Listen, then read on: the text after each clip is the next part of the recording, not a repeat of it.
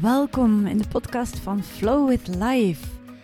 Mijn naam is Evelien van Haverbeke, blogger en auteur, maar vooral mindtrainer, waarbij ik mensen leer hoe je je manier van denken verandert door je geest te trainen.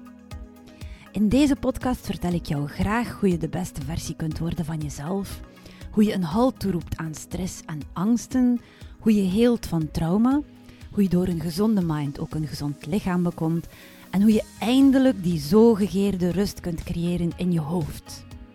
Hier geen ijle adviezen, maar wel concrete tips en tools gebaseerd op mindfulness, yoga-filosofie, positieve psychologie en meer. Want wie anders wil gaan denken, moet zijn geest daarvoor trainen. Je loopt toch ook geen marathon door er gewoon over te lezen. Gooi dus al je zelfhulpboeken op straat, zet de goeroes op mute en luister naar wat echt werkt. Want het leven is te kort om met de tijd te blijven morsen. Spits dus je oren en flow with life.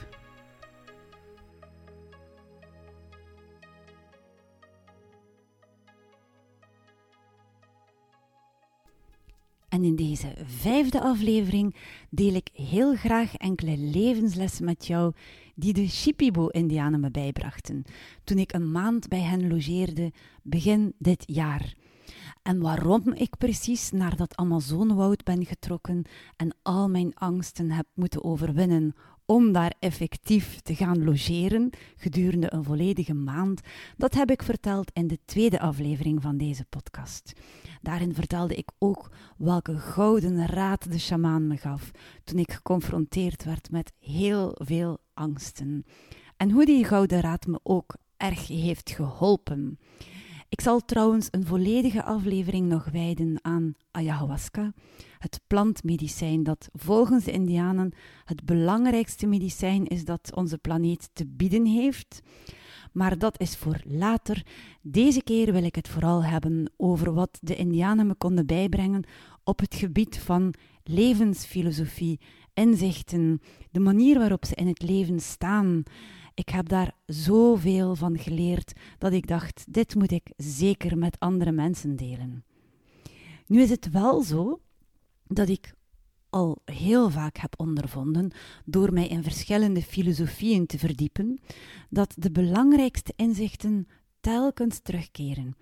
Of je nu kijkt naar de yoga-filosofie, het boeddhisme, of de mindfulness die er dan ook van afgeleid is van dat boeddhisme, of je kijkt naar het oude stoïcisme, of je hebt contact met de Indianen uit het Amazonewoud. Er zijn bepaalde dingen die altijd terugkeren, inzichten die er altijd zijn, zoals bijvoorbeeld de situaties in je leven waar je niets aan kunt veranderen, daar leg je je maar beter bij neer. Die aanvaard je maar beter. Want jou blijven verzetten tegen iets dat je niet in de hand hebt, dat heeft geen zin. Terwijl we dat wel heel vaak doen. We piekeren en we blijven piekeren over iets dat ons is overkomen, maar eigenlijk kunnen we met dat piekeren nog altijd niets veranderen aan die situatie en we maken onszelf nog veel ongelukkiger. Dat is iets dat ook de Indianen mij vertelden, maar dat had ik al vele keren eerder gehoord. En toch, in elke cultuur zijn er ook heel specifieke dingen die ervoor zorgen dat die filosofie dan net weer iets heeft dat andere filosofieën niet kunnen bieden. En het is vooral daarover dat ik het vandaag graag wil hebben, over wat zo specifiek is aan wat de Indianen me leerden. En een eerste levensles die ik meekreeg, dat was dat het universum streeft naar harmonie, streeft naar balans, dat de drijvende kracht van het universum eigenlijk pure liefde is en dat wij daarin best wel een handje kunnen helpen. Door onze geest in te zetten, namelijk. Want onze geest is heel erg krachtig. En dan kunnen we die maar beter in ons voordeel gebruiken en niet in ons nadeel, zoals we heel vaak doen. We saboteren onze eigen wensen doordat we er niet in geloven. En daarom was intentie heel belangrijk toen ik daar was. Toen de sjamaan plantmedicijnen voor ons bereidde, toen deed hij dat in de eerste plaats al zelf met heel veel liefde. En de liefde die hij erin stak, die zorgde al dat de plantmedicijnen effectiever waren. Maar dan moesten wij ook nog eens zelf die intentie uitspreken. Voor we de medicijnen tot ons namen, moesten we uitspreken dat we ermee wilden genezen, dat ze ons zouden helpen.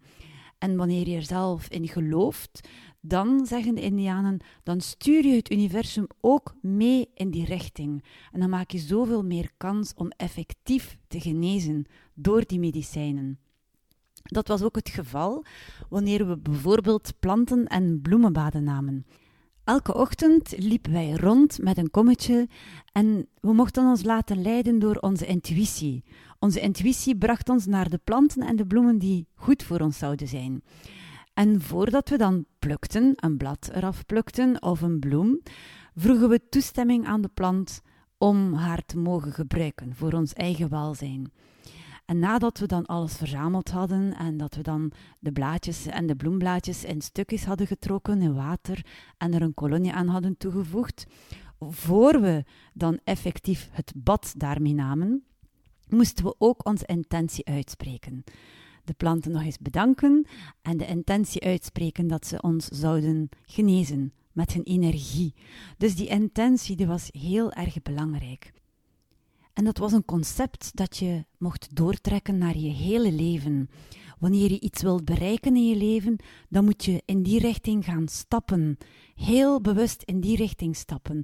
En zorgen dat je geest je niet tegenhoudt door bijvoorbeeld niet in jezelf te geloven, door jezelf te vertellen dat het waarschijnlijk toch nooit zal lukken.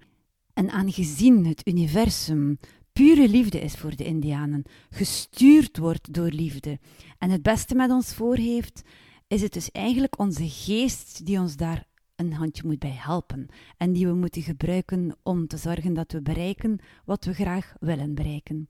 Dus dat was al een eerste levensles.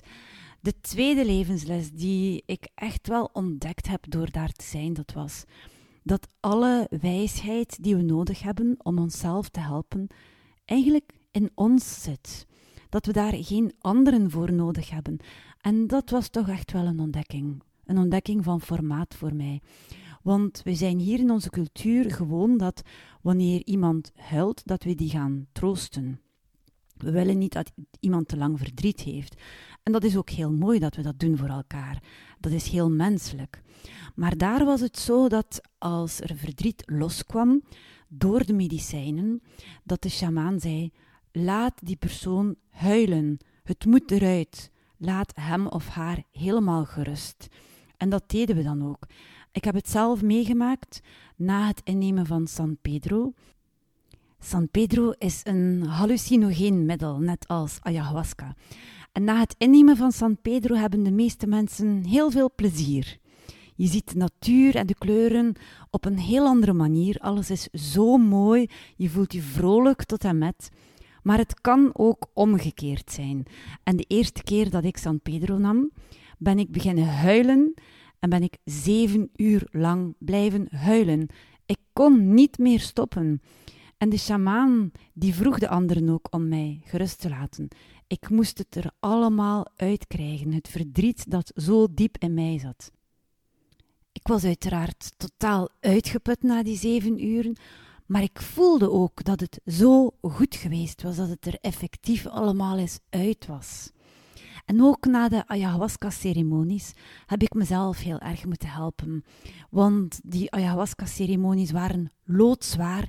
Ik kreeg alle angsten van 50 jaar ver over me heen. Ik moest alles opnieuw beleven. En zelfs na de ceremonie, toen ik s'nachts in bed lag, toen bleef ik het allemaal voor me zien en allemaal opnieuw voelen. En het was heel lastig. En ik had de behoefte om daar met iemand over te kunnen praten.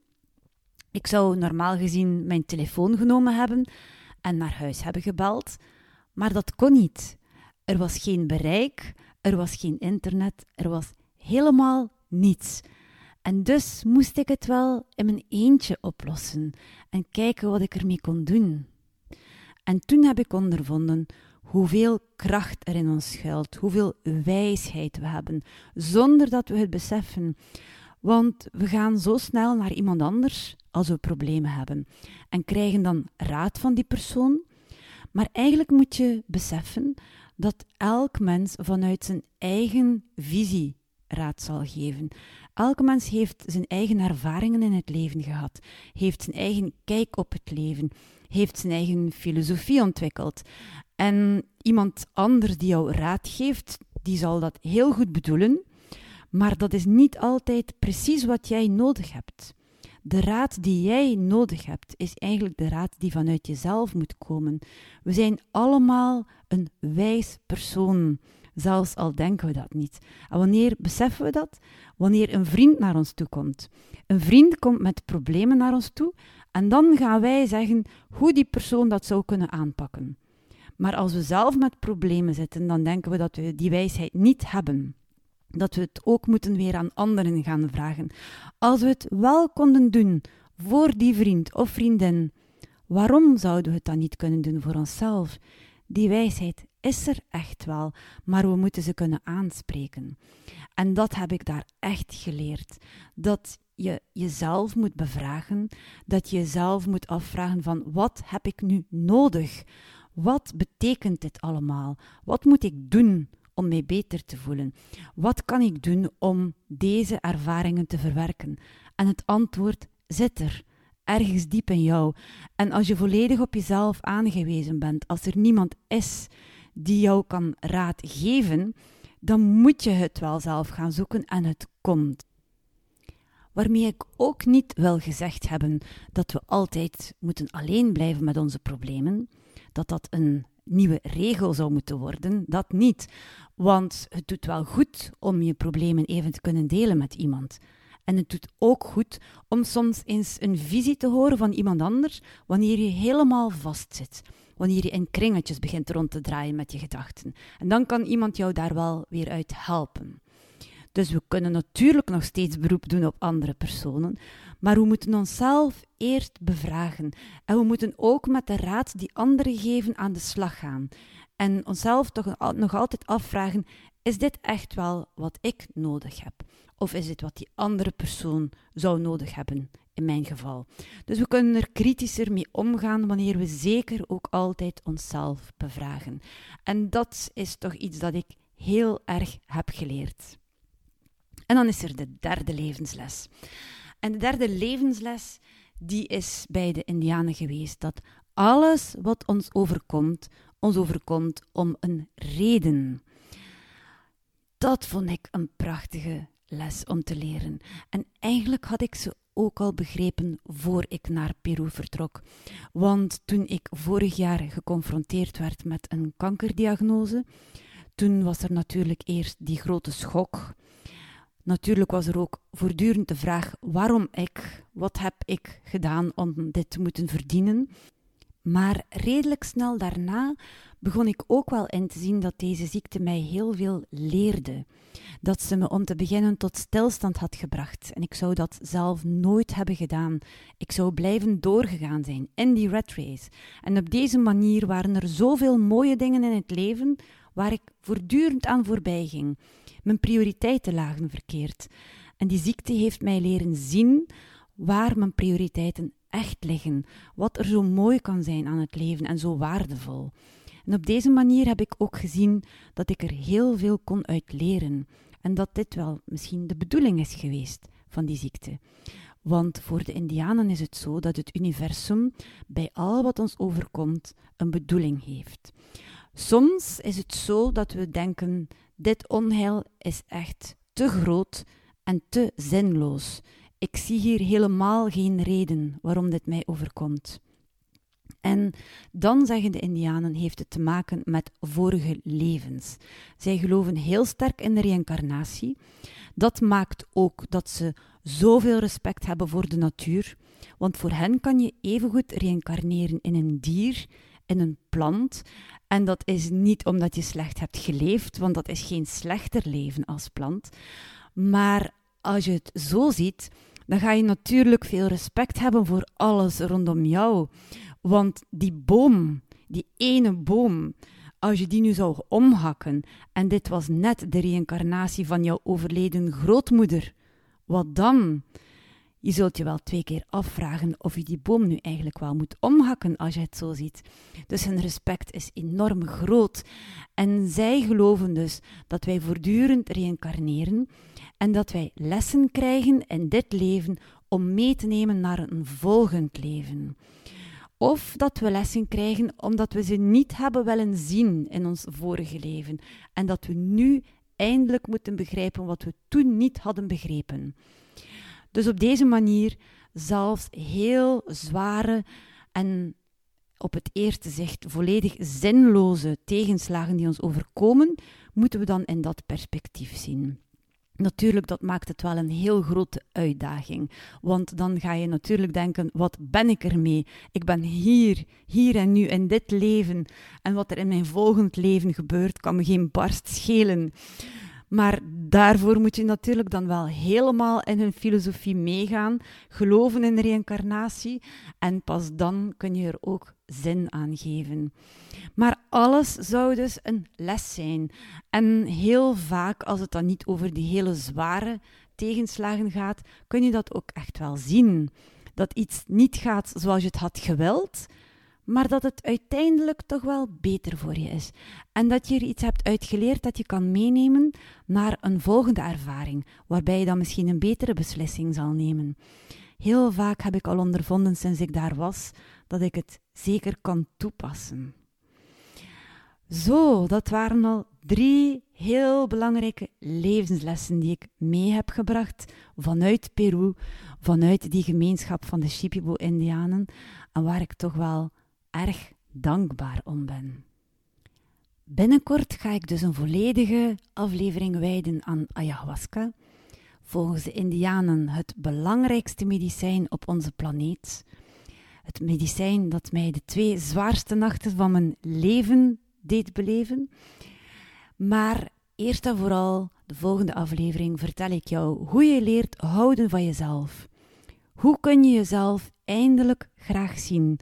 Wat moet je daarvoor doen? Hoe leer je om te geloven in jezelf en jezelf waardevol te vinden? En die weg naar zelfliefde is maar één van de thema's die aan bod komen in mijn online programma Word je beste zelf, dat er binnenkort aankomt. Daar zul je leren om ook de pijn uit je verleden los te laten, om op een gezonde manier om te gaan met moeilijke emoties. Je zult leren hoe je je ademhaling inzet. Je zult leren hoe je moet stoppen met piekeren, hoe je focust op het hier en nu, hoe je jouw talenten kunt ontdekken en ze maximaal zult inzetten, hoe je lief bent voor jezelf, zelfvertrouwen ontwikkelt, hoe je nee kunt zeggen op een vriendelijke manier, hoe je het beste voor jezelf zorgt en nog zoveel meer. Dat zul je allemaal leren in mijn online programma Word je beste zelf. Eind juni wordt het gelanceerd. En wil je dus graag op de hoogte blijven van alle nieuws in verband met Flow It Life? Wil je telkens als eerste weten wanneer er een nieuwe podcast is, wanneer mijn programma gelanceerd wordt en wat je daarvoor moet doen? Schrijf je dan zeker in op mijn Flow Notes. Ga naar mijn website www.flowitlife.be en onderaan de homepage vind je het inschrijfformulier. Zo, dit was alweer de vijfde aflevering. Ik hoop dat je er wat van opgestoken hebt en dat je het ook even probeert toe te passen, want onze geest die kun je alleen maar veranderen door te trainen. Ga dus meteen aan het trainen Oefen, blijf oefenen, hou vol en hou ook in gedachten. Flow with life.